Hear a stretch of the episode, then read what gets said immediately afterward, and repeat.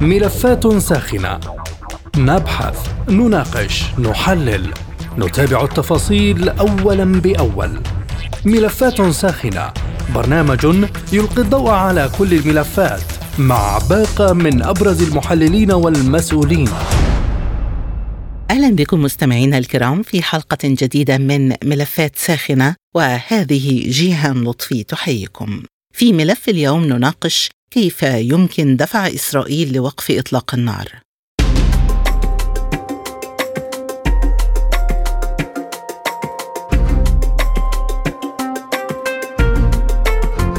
تبنت الجمعية العامة للأمم المتحدة ليل الجمعة قرارا عربيا يدعو إلى هدنة إنسانية فورية ودائمة ومستدامة تفضي إلى وقف الأعمال العدائية وإدخال المساعدات الإنسانية إلى قطاع غزة. وقال وزير الخارجية الإسرائيلي إلي كوهين إن إسرائيل ترفض دعوة الجمعية العامة للأمم المتحدة لوقف إطلاق النار وإنها عازمة على المضي في القضاء على حماس على حد تعبيره.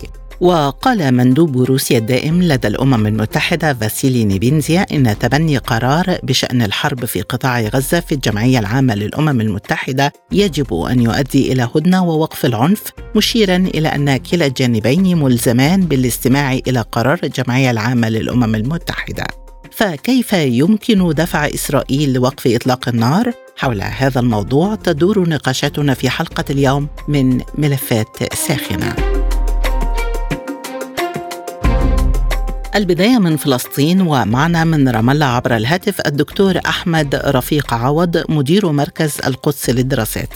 مرحبا بك معنا دكتور أحمد ضيفا عزيزا عبر أثير سبوتنيك. بعد قرار الجمعية العامة بوقف إطلاق النار في غزة وإعلان إسرائيل رفض القرار كيف يمكن دفع إسرائيل لوقف إطلاق النار؟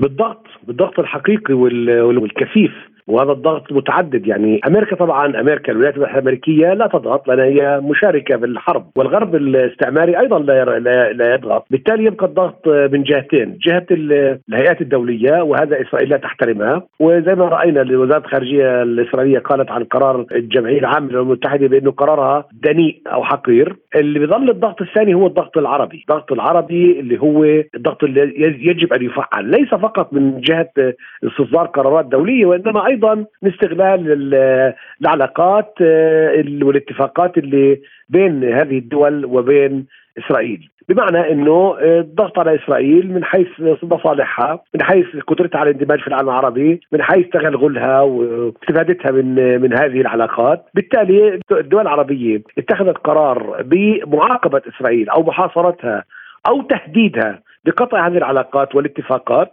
عندئذ إسرائيل تأخذ بعين الاعتبار إنها هي بتهدد آه، مصالحها في الإقليم. ولكن دكتور لماذا تذهب الدول العربية إلى هكذا قرارات في مقابل قرار انفرادي لحماس لم تستشر فيه الدول العربية؟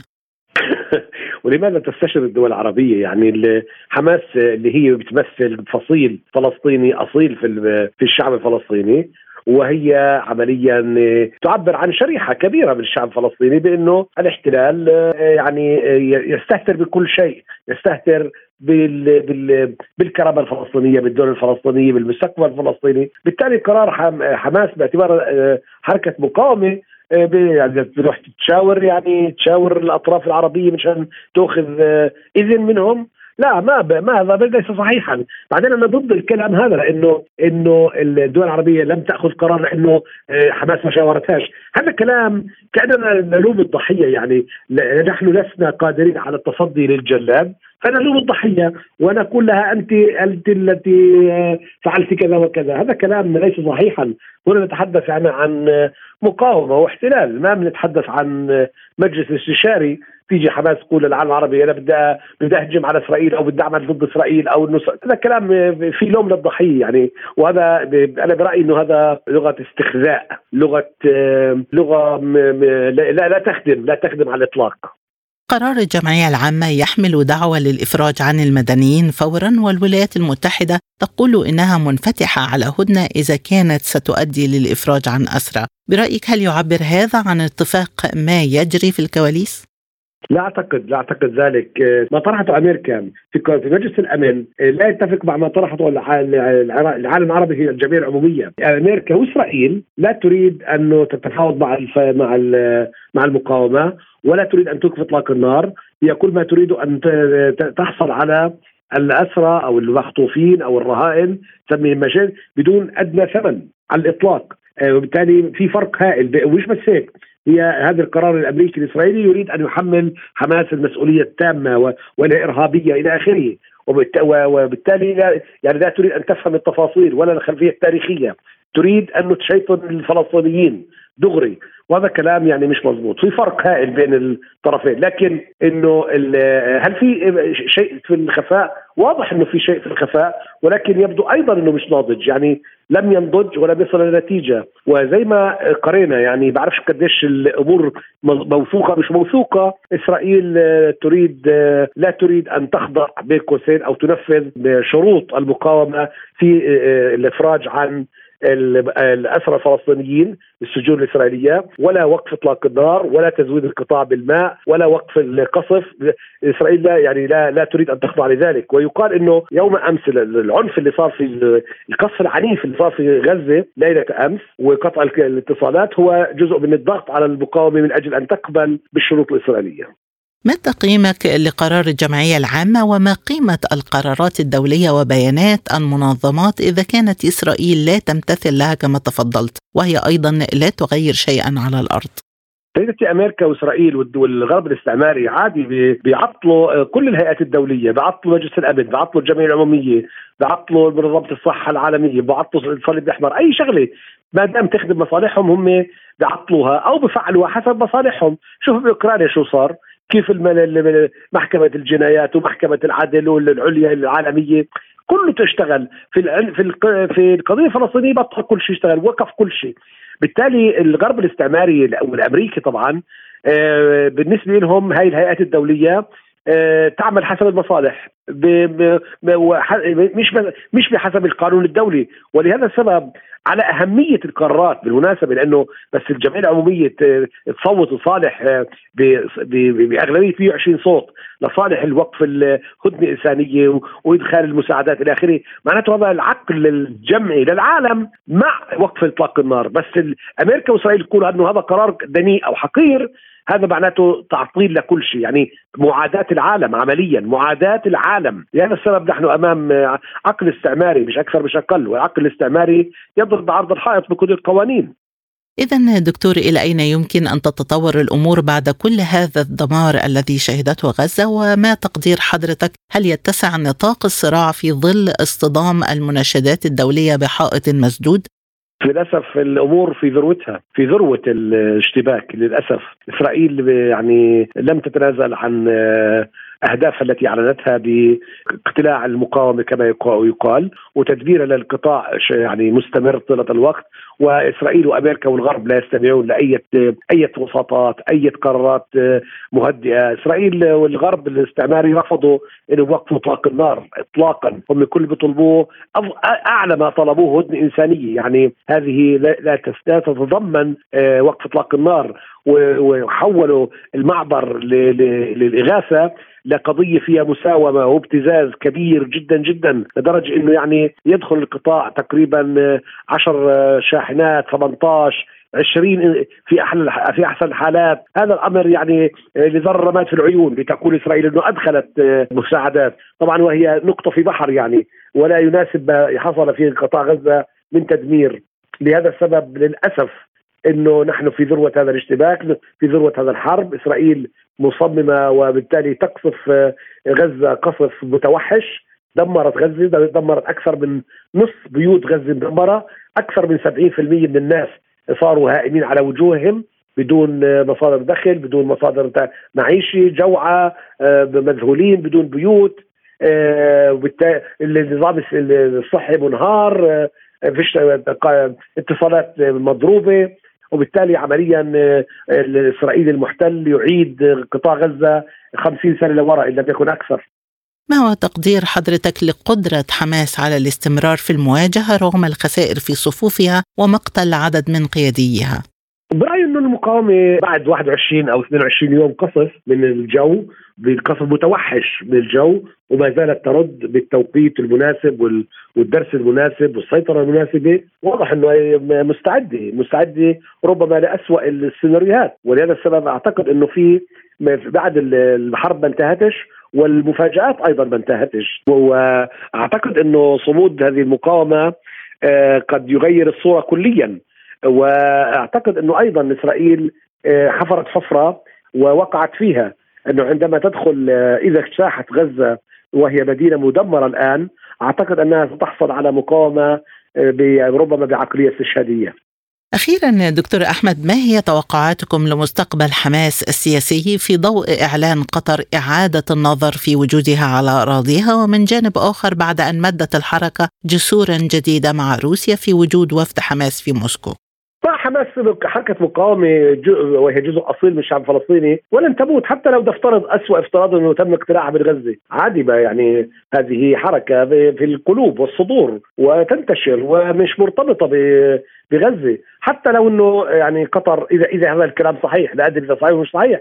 حتى لو قطر قالت انها ستنظر في وجود هؤلاء أو قاده حماس هناك عندها، هناك أيضا بلاد ستحتويهم وربما تكون هناك قيادات غيرهم، يعني هذه شوفي الشعب لا ينتهي ولا ولا تنتهي مطالبه، حتى لو انهزمت حركة هنا أو هناك، تراجعت حركة هنا أو هناك، تم اغتيال هذا أو ذاك، هذا حركة شعب كبيرة وضخمة جدا ولا تنازل عن الحقوق وبالتالي المسألة مش مرتبطة بالأشخاص ولا حتى بالحركات، المسألة مرتبطة بالحقوق، هذه الحقوق لا تنتهي يا سيدتي، لا السنة هاي ولا بعد 20 سنة ولا بعد 100 سنة.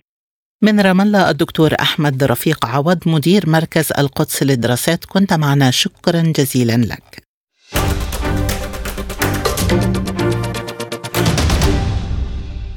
وحول دعوة مندوب روسيا لدى الأمم المتحدة إلى وقف العنف وفقا لقرار الجمعية العامة معنا من موسكو خبير الشؤون الروسية الدكتور فائز حوالة. أهلا بك معنا ضيفا عزيزا دكتور فائز. المندوب الروسي في الأمم المتحدة قال إنه يجب تنفيذ قرار الجمعية العامة للأمم المتحدة. كيف يمكن إذا دفع إسرائيل لوقف إطلاق النار وتنفيذ هذا القرار؟ وهذا هو سؤال حلقة اليوم.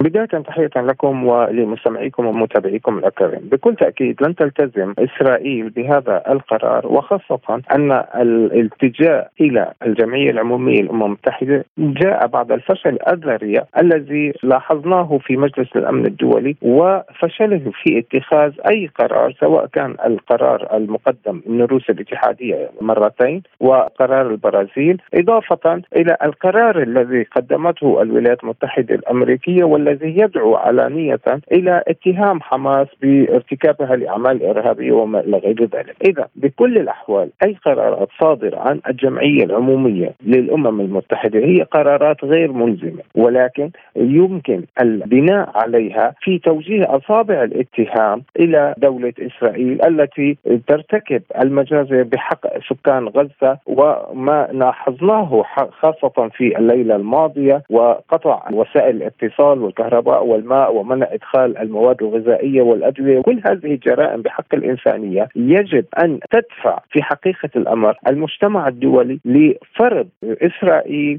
الالتزام بهذا القرار. يجب أن يكون هناك قرارا موحدا من كل الدول التي تلتزم بمبدأ الإنسانية وتعترف بحقوق الإنسان أن تجبر عبر وسائل مختلفة وهذا ما نلاحظه عندما تنزل إلى الشوارع الشعوب ولكن هذا الأمر غير كاف لأن الشعوب لا ينصت إليها الساسة، لذلك يجب أن يكون الحراك أكبر وأوسع.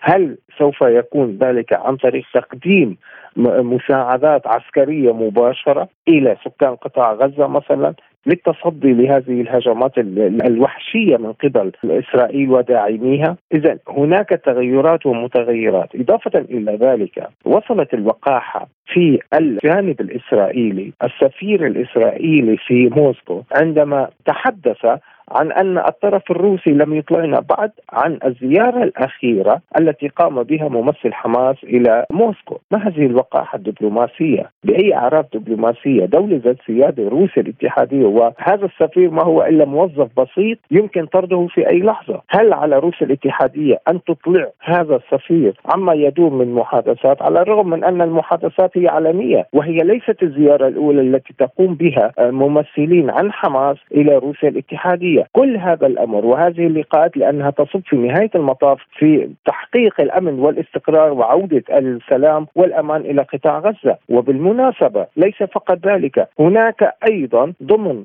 الرهائن الموجودين عند حماس في قطاع غزة من المواطنين الروس، لذلك فإن استقبال أي ممثل عن حركة حماس لم يكن بشكل سري، على سبيل المثال نحن نعلم جيدا أن الولايات المتحدة الأمريكية هي قامت باجتماعات كثيرة سرية وعلنية. وفي قطر على سبيل المثال مع حركة طالبان، لم تتحدث الطرف الروسي بأن هذه المحادثات وأن على الولايات المتحدة الأمريكية أن تطلع روسيا الاتحادية عن نتائج هذه المحادثات وما إلى غير ذلك، الكثير كثير من الأخطاء التي ترتكبها الدول الغربية التي تدعي الديمقراطية وتدعي الدفاع عن حقوق الإنسان ولم يكن لها أي مبرر على الإطلاق وإنما هي تنطلق من العنجهية والازدواجية المعايير في التعامل مع الأحداث المماثلة سواء من هذا الطرف أو من ذاك. إذا دكتور ما هي آفاق زيارة وفد حماس وإيران إلى موسكو في هذه المرحلة من الصراع وما هي أوراق موسكو التي يمكن أن تحدث بها اختراقا في هذه الأزمة؟ طبعا بكل تأكيد أنتم تعلمون بأن لدى روسيا الاتحادية احتراما كاملا وثقة تامة من كل الأطراف، لدى روسيا الاتحادية علاقات جيدة تماما مع كل دول الشرق الأوسط بما فيها دولة إسرائيل على الرغم من أن هناك بعض المآخذ على التصرفات الإسرائيلية سواء كان من ناحية حماقاتها التي ترتكبها على الأراضي السورية أو حتى في أوكرانيا. ولكن بغض النظر عن كل ذلك تتطلع روسيا الاتحادية إلى إبقاء العلاقات قوية ومتوازنة على أقل تقدير مع إسرائيل. وخاصة أن هناك أكثر من 20% من سكان دولة إسرائيل اليوم هم من أصول روسية أو متحدثي اللغة الروسية. لذلك فتبقى العلاقات ليست سيئة ولكن علاقات طبيعية كما هي العلاقات مع أي دولة على أقل تقدير لا يكون بينها عداوة. ولكن في نفس الوقت نلاحظ بأن العلاقات مع دول الشرق الأوسط بالنسبة لروسيا الاتحادية سواء كان في فلسطين أو في مصر أو في سوريا لبنان وما إلى غير ذلك من الدول العربية في شمال أفريقيا لها علاقات قوية للغاية ومتينة ومتجذرة وتاريخية. لذلك هي تستطيع أن تلعب أي دور يمكن أن يعيد الأمن والاستقرار وينهي هذه الكارثة الإنسانية في قطاع غزة وهذه المجازر التي ترتكبها إسرائيل، ولكن على ما يبدو بأن الجانب الإسرائيلي لا يريد سماع الصوت الحقيقي وصوت العقل والالتزام بالقوانين الدولية. لذلك لا أدري ماذا سوف تفعل روسيا الاتحادية؟ كيف سوف تحاول الضغط؟ نعم هي حاولت عبر مجلس الأمن الدولي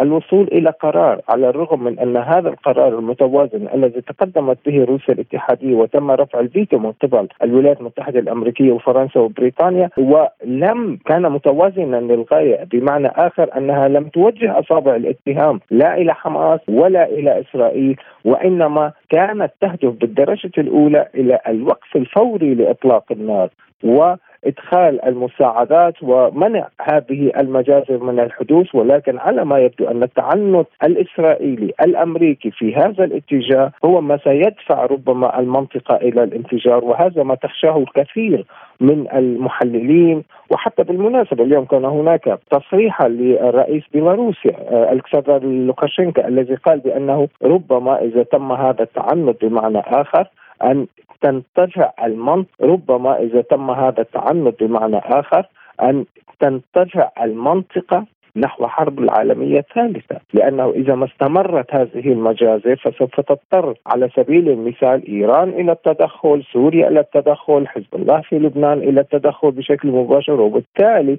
يعني إشعال منطقة الشرق الأوسط بالكامل وهذا سيؤدي في نهاية المطاف إلى حرب عالمية ثالثة التي لا يرغبها أحد على الإطلاق ولكن على ما يبدو أن الطرف الإسرائيلي وداعميه ورعاته يحاولون اللعب على حافة الهاوية من أجل اولا دفع المشاكل الداخلية في الولايات المتحدة الأمريكية وحتى في باقي دول الاتحاد الأوروبي وثانيا التغطية على الفشل لما يسمى الهجوم المضاد لأوكرانيا وبالتالي هم يحاولون توجيه كل الأنظار إلى الشرق الأوسط كي ينسى العالم وتنسى شعوبهم ومواطنيهم أن هناك حربا ما تدور على الأراضي الأوكرانية.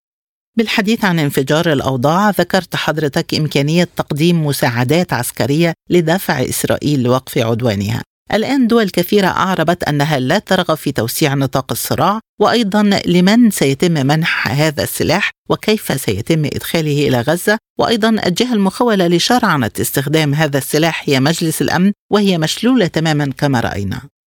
أنا لا أقول ولا أقصد هنا بأن روسيا الاتحادية سوف تزود عناصر حماس مباشرة بالأسلحة، ولكن في حال اندلاع صراع إقليمي في الشرق الأوسط فأن هناك اتفاقيات موقعة ما بين روسيا الاتحادية لنفرض على سبيل المثال أن اندلعت آه هذه الحرب في منطقة الشرق الأوسط فهل آه سوف توقف روسيا الاتحادية على سبيل المثال تزويد سوريا بالأسلحة؟ طبعا لا. هناك أيضا اتفاقيات آه مشتركة على الرغم من أن إيران في حال دخولها إلى نزاع إذا صح التعبير في الشرق الأوسط في حال اندلاعه بغض النظر عن أن لديها اكتفاء ذاتي ولكن أيضا يوجد هناك اتفاقيات موقعة مع روسيا الاتحادية بالنسبة لجهة السلاح والذخائر، اذا تستطيع روسيا الاتحاديه مع مصر على سبيل المثال، أنتم تعلمون بأن هناك اتفاقيات كبيرة وأن الغالبية العظمى من السلاح الموجود حاليا في جمهورية مصر العربية ومن أصول أو من صناعة روسية، وبالإضافة إلى ذلك يجب هنا الإشارة إلى الضغوطات التي تمارسها الولايات المتحدة الأمريكية على جمهورية مصر العربية من أجل تسويد أوكرانيا بالأسلحة الموجودة لدى جمهورية مصر العربية كي يتم استخدامها بالنسبة للمقاتلين الأوكران. لذلك هناك أيضا أن روسيا الاتحادية بدبلوماسيتها وعبقريتها في إدارة الدبلوماسية يوجد ما يسمى بالإلزام في تحقيق السلام.